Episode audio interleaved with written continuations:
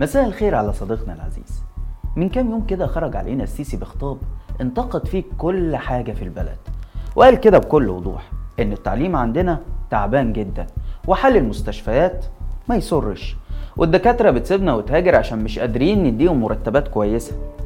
أما بقى بالنسبة لسوق العمل فما فيش شغل اللي بيتخرجوا من الجامعات مش مؤهلين أصلا.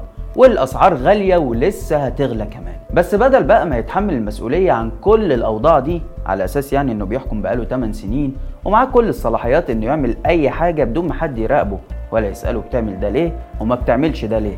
راح الباشا موجه اللوم للمواطنين السلبيين وطبعا ما ننساش موضوع الزيادة السكانية الحجة المعتادة بتاعته. وكمان هاجم الناس اللي بتطالب بحقوق الإنسان وقال لهم هو إحنا لاقيين ناكل يا جماعة عشان هيبقى عندنا حقوق إنسان أصلا ولا إيه؟ ما تفهمش إيه العلاقة بس هو الراجل وجهة نظره كده. حقوق إيه؟ أنا مش هاكل. أنا مش عارف أعلم مش عارف أعالج مش عارف أشغل مش عارف أسكن. أما بقى الكوميدي أكتر فهو إنه طلع الناقد السينمائي اللي جواه وهاجم فيلم الإرهاب والكباب بتاع عادل إمام. تحس كده إنه كان مطبق على روتانا سينما وهو بيجهز الكلمة اللي هيقولها. أصل ده التفسير الوحيد اللي يخليه يفتكر فيلم عدى عليه 30 سنة عشان يكشف لنا النهارده تحديدا السر الخطير بإن الفيلم اتبنى على فكرة غلط خلت الدولة هي الخصم إنما الصح كان إن المواطنين السلبيين هم اللي يكونوا الخصم والحقيقة إن ده شجع الخيال الخصب عند المصريين إنهم يتخيلوا أحداث الفيلم لو كانت عمل النهارده. وده بقى اللي هنشوفه في حلقة النهارده. أنا عبد الرحمن عمر وده برنامج إيه الحكاية؟ أهلا بيكم. فيلم الإرهاب والكباب لو اتعمل النهارده أكيد البطل أحمد فتحي الباب كان هيبقى ساكن في كومباوند في العاصمة الجديدة. وأحداث الفيلم هتبدأ من وهو رايح مجمع التحرير الجديد برضه لأن المجمع القديم خلاص تعيشوا أنتوا بقى. في شركات إماراتية حطت عينها عليه وفي طريقها لأنها تحوله لفندق خمس نجوم. عايزين يستغلوا مكانه المميز في ميدان التحرير وسط القاهرة. المهم فتح الباب رايح يحول ولاده من مدرسة في العاصمة القديمة لمدرسة انترناشونال في العاصمة الجديدة من اللي هما بيتكلموا ثلاث كلمات إنجليزي وفي النص كلمة عربي دول. فتح الباب مش هيلاقي الموظف المسؤول لأنه بيحضر مؤتمر تحيا مصر. والموظف اللي في مكانه هيطلب منه يجيب دمغة الجمهورية الجديدة من مدام انتصار في المكتب اللي جنبه. بس فتح الباب هيشوف إن ده تعنت بيفكروا بالجمهورية القديمة وهينفعل كده على الموظفين اللي هيجيبوا له الأمن. وبعد حالة من الهرج والمرج هيلاقي البطل السلاح في إيده والكل خايف منه. ويبدأ الناس اللي في المجمع تقف معاه عشان هم كمان ورقهم متأخر. ويجي بقى وزير الداخلية اللي هيطلع على مئذنة جامع الفتاح العليم ويتكلم مع البطل ويفكروا بخطابات السيسي عن المواطنين السلبيين. وهنا كده المخرج ممكن يعمل فلاش باك ويبين لنا تأثر البطل بكلام السيسي. المهم إن بعد حوارات كتير جانبية مع الناس في المجمع هيكتشف فتح الباب إن فعلا المشكلة في المواطنين مش في الدولة. وهيقول لوزير الداخلية إيه اللي يرضيك يا باشا؟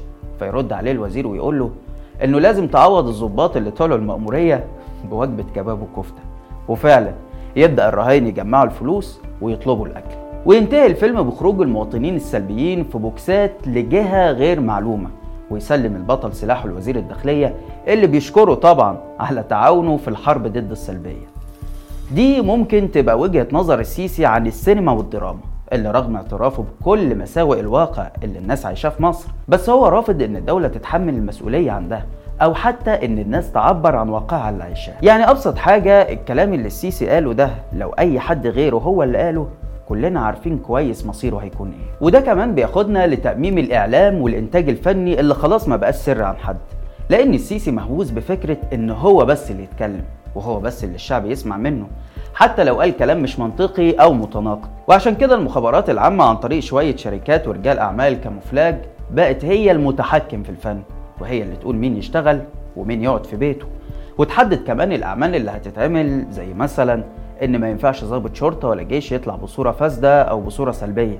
وده طبعا مستوى من الرقابة كوميدي جدا. وكل ده بقى كوم وفكرة الأعمال التعبوية زي مسلسل الاختيار اللي بقى مقرر على المصريين في كل رمضان ده كوم تاني خالص واللي كمان بيتم التعامل مع أبطال الأعمال دي كأنهم جنود حقيقيين. فتلاقي السيسي بيواسي إياد نصار مثلا عشان دوره في فيلم الممر كان ضابط إسرائيل. ملايين بتتصرف عشان تجدد إيمان الناس بنظام السيسي اللي بيحميهم من قوى الشر اللي هي في نظره تجمع كبير بيضم كل المعارضين لحكمه أو سياساته. واللي بيتم التعبير عنهم دايما بأنهم أعداء هدفهم تخريب البلد زي ما حصل في 2011 ودي الفكرة اللي السيسي ما بيفوتش مناسبة إلا ويأكد عليه ورغم إن ده مخالف للدستور اللي هو بنفسه أقسم عليه وكمان لأنه كل سنة بيطلع يهني المصريين بذكرى ثورة يناير إلا إنه كمان مناقض لخطابه هو نفسه عن سلبيات حكم مبارك واللي في الحقيقة هي اللي أدت للثورة. ده حتى لسه من كام يوم كده اكتشفنا إن رجالة مبارك ومنهم ولاده علاء وجمال مخبيين ملايين الدولارات في حسابات سرية في بنوك سويسرا.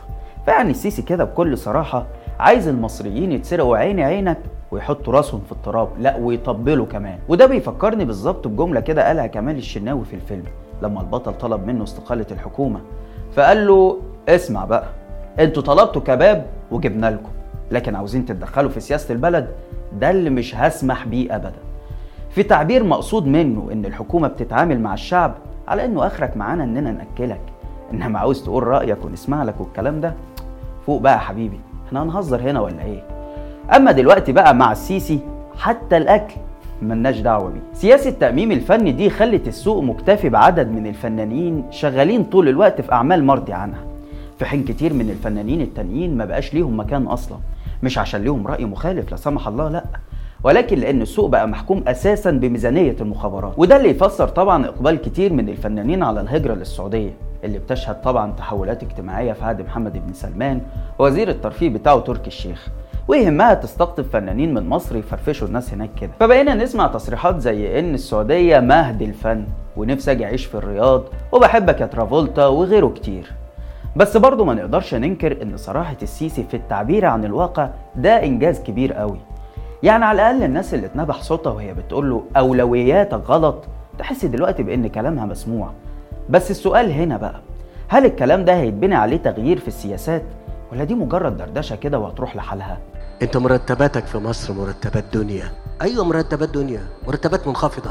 هو أنا السبب ولا إيه أنا كان عليا عايز أدي المواطن 30000 جنيه. يعني هل مثلا هنبدأ نخصص ميزانيات كبيرة للتعليم والبحث العلمي؟ على الأقل زي ما الدستور بيحدد نسبة 7% عشان ما نلاقيش سيادتك بتكرر تاني بعد كام سنة إنه التعليم عندنا تعبان وإن من 300 ألف خريج ما لقيناش غير 111 بس اللي بيحققوا المواصفات العالمية لخريج كلية الحاسبات. أنا شايف آه، أحد ضيوفنا من ال- الاتحاد الأوروبي. أنا لقيت 111 لقيت 111 بس عشان تعليمي تعبان. هل هنخصص ميزانية مناسبة لوزارة الصحة عشان نوقف هجرة الأطباء ويلاقوا بيئة عمل مناسبة ومرتبات توفر لهم حياة كريمة؟ الأطباء اللي الناس بتسيبنا عشان تجد فرصة آه، عمل في حتة تانية عشان عايز يعيش. مش هو عايز يعيش هو أنا بديله مرتب كويس. هل هنصرف فلوس أكتر على تأهيل الخريجين لسوق العمل؟ طب هل هنشجع الصناعات المحلية وندعم الفلاح المصري عشان نقلل اعتمادنا على الاستيراد من الخارج؟ هل هنظبط الأسعار ونراقب السوق؟ هل ممكن نهتم بالمواطن المصري زي ما بنهتم باللي شغالين في الجيش والشرطة والقضاء. ولا هنكمل في الأولويات اللي انت شغال عليها من 8 سنين ونصرف فلوس البلد على السجون والقصور الرئاسية والعاصمة الجديدة والطرق والكباري. ويا ترى هل ممكن تسمع للناس وتاخد برأي المتخصصين؟ ولا هنكمل في الفهلوة ونظام هي سنة واحدة يا كامل؟ الحقيقة إن الثورة اللي انت بتهاجمها كل يوم هي اللي نبهت الدولة للكلام اللي انت بتقوله دلوقتي عن الواقع السيء. وعن العيشة اللي مش المفروض تستمر بالشكل ده وهي اللي طلبت إننا نهتم بالتعليم والصحة وفرص العمل ونستثمر فيهم لأنهم طوق النجاة الوحيد لمصر اللي ممكن يضمن لها مستقبل أفضل. وعلى رأي فتح الباب دي مطالب ما أعتقدش إن المفروض حد يتعاقب عليها. ومعلش هتقل عليك شوية. بمناسبة كلامك عن حقوق الإنسان اللي أنت بتشوف إن ما ينفعش نتكلم عنها وإحنا مش لاقيين ناكل برضه هقول لك كلام فتح الباب. الناس مش عايزة غير إنسانيتها. مش عايزة تتهان ومش عايزة تبقى رخيصة. إيه الصعب في كده؟ وفي النهاية لو أنت معترف بالفشل كده ومش قادر تصلحه فبدل ما تنتقد المواطنين اللي مفيش في إيديهم حاجة يعملوها يا تصلح أنت الوضع ده. إما تسيبها لغيرك. يمكن يعرف يحل المشاكل دي بطريقة أحسن. من الآخر كده لو مش قد الشيلة ما تشيلش. ولا يكلف الله نفسا إلا وسعها. بس كده. لحد هنا وحلقتنا خلصت. ما تنساش إنك تقدر تسمع برنامجنا بودكاست من الروابط اللي هتلاقيها في التعليقات. وكمان اعمل لنا like و share واشترك في القناة على اليوتيوب. واستنانا كل يوم جمعة الساعة 9 بالليل بتوقيت القاهرة في حلقة جديدة من برنامج إيه الحكاية.